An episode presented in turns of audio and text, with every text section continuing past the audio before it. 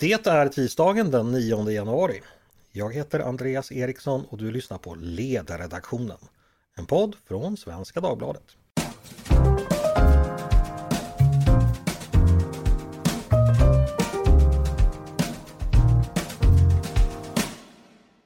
Varmt välkomna till oss! Kul att ni är med oss också på den här sidan nyår. Och varmt välkomna till ett nytt år med Ledarredaktionen. Idag avslutas Folk och Försvars årliga rikskonferens i Sälen. Det känner ni säkert till, för konferensen har ju dominerat nyhetsflödet de senaste dagarna. ÖB har hållit tal, statsministern har hållit ett annat tal. Vi har fått massor med rapporter från journalister och andra som medverkar i de här dagarnas diskussioner. Och det vi har hört i år har varit ganska allvarliga och bistra saker. Jag tänkte att vi skulle uppmärksamma den här konferensen än lite mer i podden och då inte minst diskutera vad det egentligen är för någonting. För jag misstänker att ganska få av er som lyssnar har besökt rikskonferensen. Jag har aldrig gjort det. Och att ni precis som jag är nyfikna på hur den egentligen går till. Vad har de egentligen för sig där uppe i Sälen under de här dagarna? Vilka är det som besöker konferensen? Vilken nytta är konferensen tänkt att göra? Och inte minst, hur är maten? Det ska vi prata mer om idag och då hälsar jag Maud Holma von Heine, generalsekreterare för Folk och Försvar. Välkommen hit! Tack så mycket! Trevligt att få vara med. Jättetrevligt att ha dig här Maud. Och för att ge oss lite inblick i hur konferensen upplevs från en besökarperspektiv har vi med oss Patrik Strömer som arbetar på livsmedelskonferensen och varit på plats uppe i Sälen. Varmt välkommen du också Patrik! Tack Andreas, jag jobbar på livsmedelsföretagen, inte livsmedelskonferensen. Nej, du ser det där med konferensen smyger sig in överallt. Livsmedelsföretagen. Vi ska säga också att du sitter i styrelsen för Folk och Försvar, eh, så vi är väldigt Folk och Försvarstunga idag. Maud, den här rikskonferensen, vad är det för någonting egentligen? Kan, kan du ge oss den korta versionen? Ja, egentligen om man ska ge en bra bild av vad Rikskonferensen är så skulle jag vilja börja med en annan fråga, vad Folk och Försvar är. För att det skrivs väldigt mycket om att Folk och Försvar i Sälen och det kan låta som att rikskonferensen, det är Folk och Försvar. Eh, men eh, Folk och Försvar är en ideell, opolitisk organisation som består av över 110 medlemsorganisationer eh, och de representerar en stor bredd av samhället. Och vår uppgift är att folkbilda och öka information och öka kunskap och engagemang om försvarsfrågor och försvars och säkerhetspolitik. Eh, därför gör vi en rikskonferens en gång om året. Sen gör vi massa annan verksamhet också, så det här är alltså inte liktydigt med folk och försvar. Okej, okay. Då är det, det var väl delvis svar på frågan, men, men eh, vad är själva poängen med konferensen? Vilken roll spelar den i er övergripande verksamhet? Rikskonferensen är det tillfället när vi får absolut mest uppmärksamhet eftersom då samlas under tre dagar dels våra medlemsorganisationer, representanter från dem och beslutsfattare. Eh, och beslutsfattare från både försvars och säkerhetspolitik och krisberedskap och totalförsvarsfrågor generellt. Eh, det är till exempel eh, statsråd, det är riksdagsledamöter, det är eh, myndighetsrepresentanter och framförallt våra medlemsorganisationer då, det är att de träffas och diskuterar de här frågorna och det får också stor medial uppmärksamhet. Därför är det det som folk mest hör talas om från Folk och Försvar. Mm. Därför är den viktig. Varför är ni just i Sälen? Uh, ja, uh, när Folk och Försvar grundades, det var mitt under andra världskriget uh, och då såg man att man behövde informera folket om vad var och en kunde göra. Eh, och då skapade man det här som heter Folk och Försvar, som skulle bygga en bro mellan folket och försvaret eh, och informera om vad var en kunde göra. Och sen 1946 så har man då gjort en rikskonferens som har just syftet att vara det här mötet och utbytet emellan folket som då representeras av våra medlemsorganisationer, som var de stora folkrörelserna, och beslutsfattare inom försvaret. Eh, och genom att de träffas och utbyter information med varandra, från början var det en hel vecka uppe i fjällmiljö, eh, så får man tillfälle att lära av varandra. Så det är en utbildande, folkbildande konferens kan man säga. Och det är ömsesidigt, både från folket till beslutsfattare och tvärtom. Men varför just Sälen, alltså just platsen? Eh, från början så hade man den en hel vecka i fjällmiljö i On och sen har det varit i Storlien i väldigt många år. Eh, så det är en tradition som vi har hållit kvar vid, att vara i fjällmiljö. tanken då var att man var också ute i friska luften och åkte mycket skidor och det är fortfarande några som åker skidor i de pass där man kan hinna med det. Mm, vi ska återkomma till det. Eh, får vem som helst komma och, och, delta och bidra till konferensen? Nej, vi har ju en begränsning här på att vara 350, max 400 personer över de här tre dagarna. Så att det är bara strikt personligt inbjudna som får delta. Och eh, det är då typiskt, det, eller de som är garanterade att få en inbjudan, det är våra medlemsorganisationer som representerar dem och det är ungefär hälften av deltagarna här uppe. Den andra hälften är då beslutsfattare och relevanta personer eh, för de här frågorna. Det är allt från akademier och myndigheter och politiker som eh, har någonting att eh, jobba med de här frågorna helt enkelt. Så att det blir ett utbyte mellan de här representanterna. Okay. Och, och, och, och man, om man själv känner att det här skulle jag verkligen kunna bidra till. Hur, hur gör man då för att bli inbjuden? Vad, vad är säkraste sättet? Um, ja, det är ju lite knepigt. Uh, att uh, bara för man är intresserad och vill bli inbjuden. Uh, man måste tillhöra någon av de här kategorierna då. Antingen så representerar man någon av våra medlemsorganisationer. Det är ju visserligen väldigt många medlemsorganisationer, men det är ändå bara en eller två personer per organisation som får komma. Eh, och sen är det då som sagt beslutsfattare eller att du är en akademiker eller expert på något sätt och har anledning att vara här och kanske delta som talare och så. Mm. Say hello to a new era of mental health care. Cerebral is here to help you achieve your mental wellness goals with professional therapy and medication management support. 100% online. You'll experience the all new Cerebral way, an innovative approach to mental wellness designed around you. You'll get a personalized treatment plan from a therapist, prescriber, or both in a safe and judgment free space.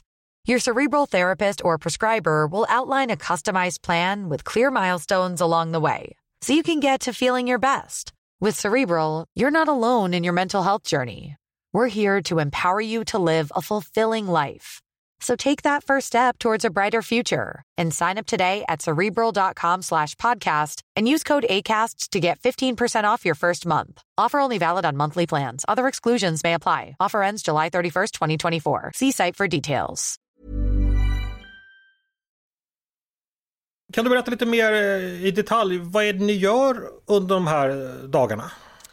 Ja, rikskonferensen består av flera delar. Det som är mest synligt utåt för de som inte är på plats, det är ju det programmet som är på scenen och som också då sänds i både tv och våra Youtube-kanaler. Ehm, det är tre dagars program på eftermiddagarna där vi från kansliet då, som eh, jobbar på Folk och Försvar jobbar med att ta fram en, ett tema för ett år och liksom få till att diskutera vilka frågor som känns aktuella och relevanta just nu. Och det är en del av det hela.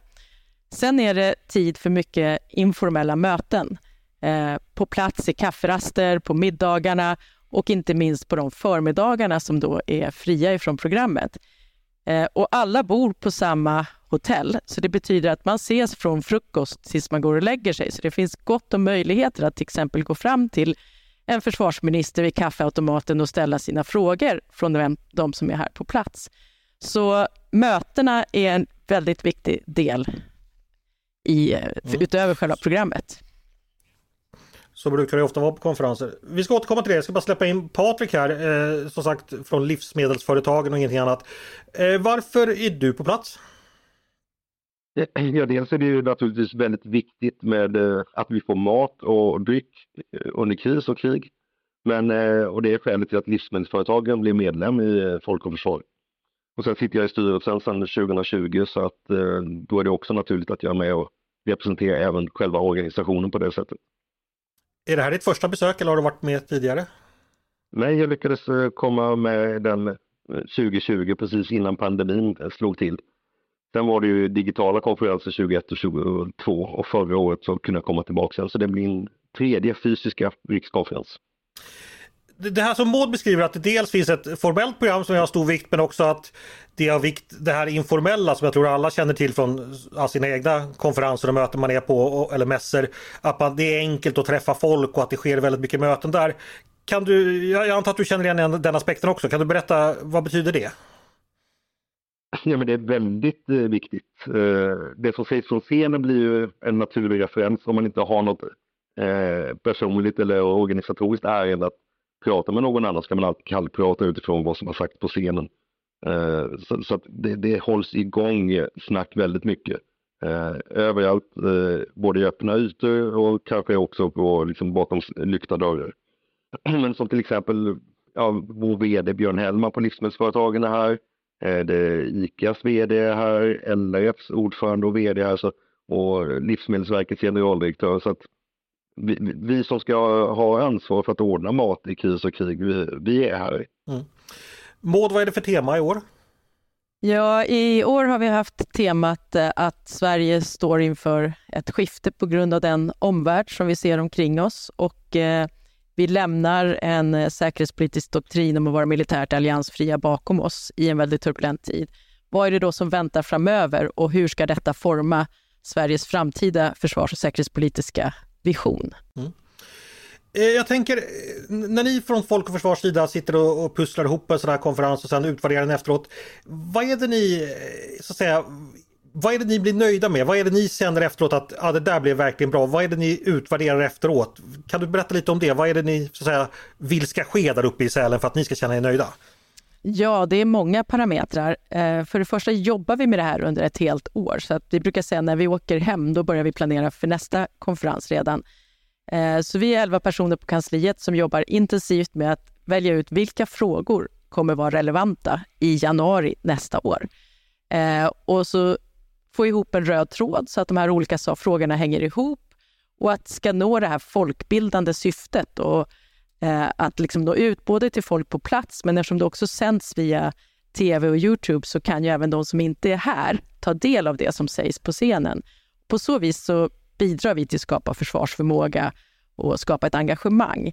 Eh, och då blir det viktigt att liksom, har vi valt ut rätt frågor? Tycker folk att det var relevant, det som var i programmet? Och det utvärderar vi genom att prata med folk på plats, men vi skickar också ut enkäter till de som varit här. Eh, får se hur det tas emot i omvärlden som inte är på plats här, ja då ser vi bland annat vad skrivs i media. Eh, det är en hel del engagerade medborgare som hör av sig till oss via mejl eller telefon. Eh, skriver på sociala medier och liknande så ser vi hur har budskapet tagits emot och hur är reaktionerna eh, och vilket genomslag får det som sägs här helt enkelt. Vi vill ju öka ett engagemang. Det är vårt syfte. Vi är väldigt noga med att vara opolitiska så vi tar ju ingen ställning till det som sägs på scenen utan vi vill ju bara förmedla eh, kunskap och information. Vara folkbildande. Just det. Jag måste bara fråga, eh, ni är ju uppe i fjällvärlden, åker folk mycket skidor? Är, är det därför det, det är lediga förmiddagar tänkte jag? Att man ska kunna hinna med några åk också? Nej, de lediga förmiddagarna är ju egentligen främst till för de här informella mötena. Ja, några av dem sker kanske i skidspåren.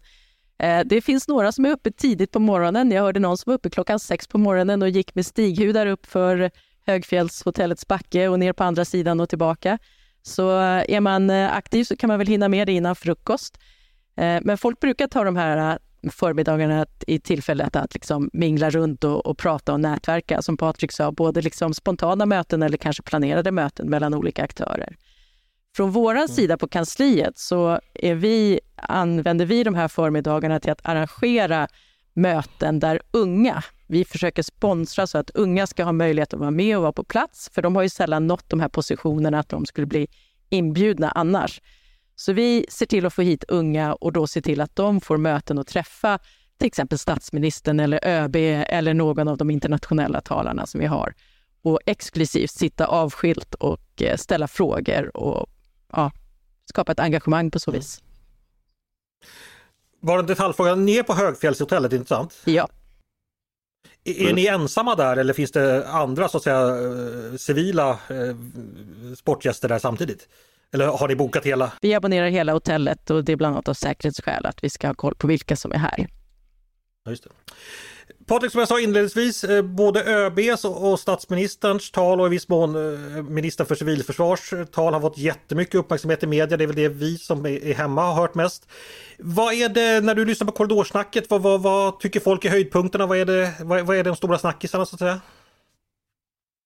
Äh, nej, men det är klart att det, det, är både det som sägs från scenen men också den återrapporteringen som har varit.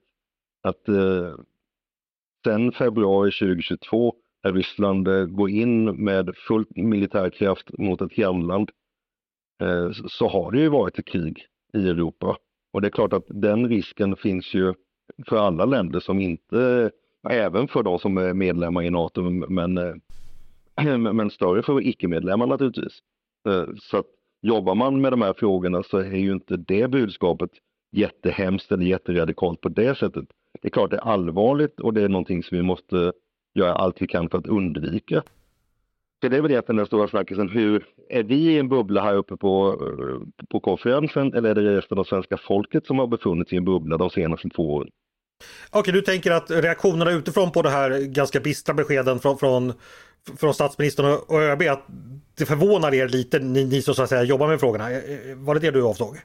Ja, det finns en sån förvåning. Ja. Uh, absolut. Och det är väl bra att liksom få det tillbaka också. Det, det är en del av det här informationsutbytet som Maud talar om. Ja, vi ska ju försöka folkbilda men även vi som är här måste också förstå, ja men vad är folkets uppfattning om saker? Mm. Ja, Maud, vad, vad, vad, tänker du om det? Alltså de, de mediereaktioner som vi har hunnit få under de här, här tre dagarna, är det någonting du också har funderat på?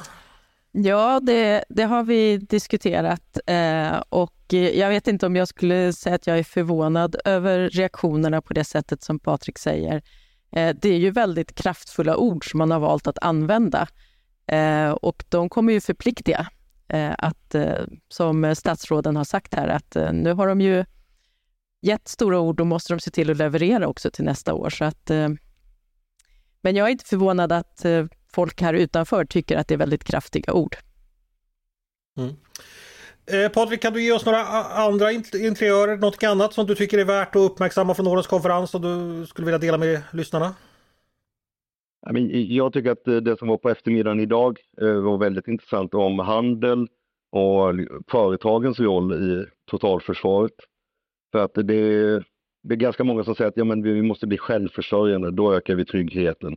Vi ska göra allting själva och det budskapet motsades både av statssekreterare och generaldirektör för Kommerskollegium som säger att det är handel vi måste ha.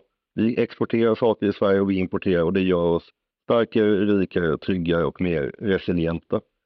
Eh, vilket också underströk när det kom företag på scenen och berättade hur de hade klarat bland annat pandemin. Det var ICA, Scania och AstraZeneca.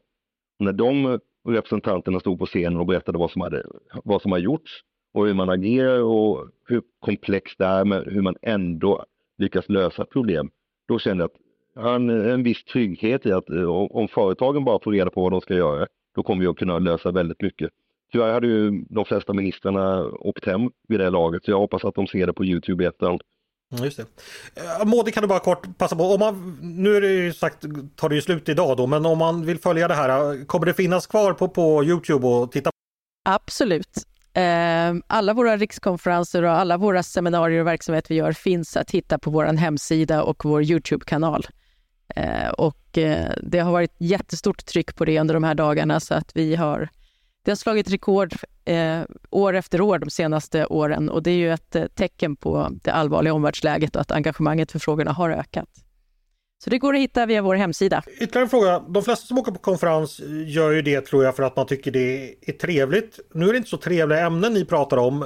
Återigen, det är bistra ämnen. Men är det roligt att vara på Folk för Försvar? Är det som man ser man fram emot det av liksom sociala skäl för att kunna ta ett glas och äta middag och sånt med människor man tycker om? Vad, vad säger du om den aspekten Patrik? Ja, egentligen inte det som jag ser fram emot men det blir lite grann så i alla fall. Jag pratade med en person som har jobbat på Energimyndigheten eh, tidigare och han jobbar nu inom frivilliga flygkåren. Så han tog kontakt med mig eh, och det var ju liksom glädjande för vi har bara haft kontakt på mejl och telefon innan. För att eh, i efterhand så har det förmodligen varit väldigt många trevliga möten men för min egen del har det inte varit så många som jag har sett fram emot utan det har bara blivit så. Och det är väl en del av spontaniteten och, och liksom fördelen med att vara här. Du då Maud, har, har, du roligt under de här dagarna eller är det bara arbete hela tiden så att man inte tänker på något annat? Men arbetet är ju roligt. så det behöver väl inte vara en motsägelse. Nej, men, men förstår jag menar. Är, är det liksom någonting du, du kan se fram emot just den här ja, men, biten att vara i en exotisk miljö med massa människor som är intresserade av samma sak och, och ta ett järn tillsammans. Är, är, det också någonting liksom man, man ser fram emot och uppskattar? Ja, jag hoppas att man ser fram emot att vara på rikskonferensen för det är ju hela vitsen med att samla folk här. Sen vet jag inte om den är så exotisk miljö. Eh, att vi är, I fjällen är ju också att vi är isolerade från omvärlden, vilket innebär att det inte är så lätt att ta sig hit, det är inte så lätt att ta sig härifrån. Det innebär att folk stannar kvar.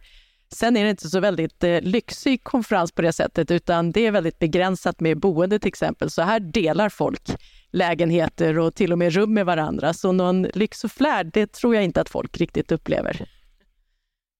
Vad åt ni till middag igår kväll? Patrik, kommer du ihåg vad vi åt till middag igår? Jag har så mycket i huvudet så det är inte vad jag minns. Nej, det, det, ja, nej, men det var en liten potatiskaka och eh, kycklingbröstfilé. Okej, det låter Alltså det, mycket man, frugalt. åker, man, åker inte, man åker inte hit för gastronomin, men eh, ur ett försörjningsperspektiv så har det fungerat utomordentligt väl. Det är svårt att hålla mat varm och servera till 400 gäster som inte alltid är på plats samtidigt utan håller på med andra saker också. Just det. Hörrni, vi ska ta oss ihop där. Eh, Maud, vad tar du och ni, ni på kansliet med er från den här konferensen när ni planerar nästa? Vad är de stora lärdomarna säger du, tänker du? Ehm, ja, det kommer vi sammanfatta när vi sitter i bilen hem imorgon. Men just nu så tar vi nog med oss att vi är väldigt nöjda. Allting har förlöpt väldigt bra. Som arrangör så är det ju väldigt många saker som ska klaffa. Allt ifrån att alla talarna ska anlända trots vinterväglag och, och annat Eh, och influensatider till att eh, maten ska komma på plats och att eh, folk har någonstans att bo. Så att vi kommer andas ut ikväll när allting är klart och känna oss nöjda med att allting har klaffat och eh, tankarna med programmet har eh, blivit som vi har tänkt oss och det är vi väldigt nöjda med så långt. Och intresset har varit stort. Patrik, samma fråga till dig. Vad, vad tror du att du kommer ta med dig när du sitter på, på hala vintervägar hemåt? Det är en hel del nya kontakter, idéer, saker jag måste göra, saker som jag vill att andra ska göra, kanske behöver påminna om också. För att eh, det är bra att träffa andra människor. Nya idéer uppstår, man får respekt för andras eh, kompetens, roller och ansvar. Och, eh, och det ska man ta tillvara på. Vi är bäst tillsammans. Det får bli vackra slutord för eh, den här gången. Eh, Det blev lite kortare idag för både Patrik och Maud eh, måste springa vidare till nästa seminariepass. Men stort tack Maud Holma von Heine och Patrik Strömer för att ni gästade mig idag. Tack för att vi fick vara med. Tack så mycket. Och stort tack också förstås till er som har lyssnat på dagens avsnitt av Ledarredaktionen. Jag hoppas ni tyckte det var intressant. Ledarredaktionen, en podd från Svenska Dagbladet förstås. Och ni är som vanligt varmt välkomna att höra av er till oss på redaktionen med tankar och synpunkter på det vi precis diskuterat. Eller om det är så att ni har idéer och förslag på det vi ska ta upp i framtiden. Då är det bara att mejla till ledarsidan snabla svd.se. Dagens producent, han heter Jesper Sandström. Själv heter jag Andreas Eriksson och jag hoppas att vi hörs snart igen.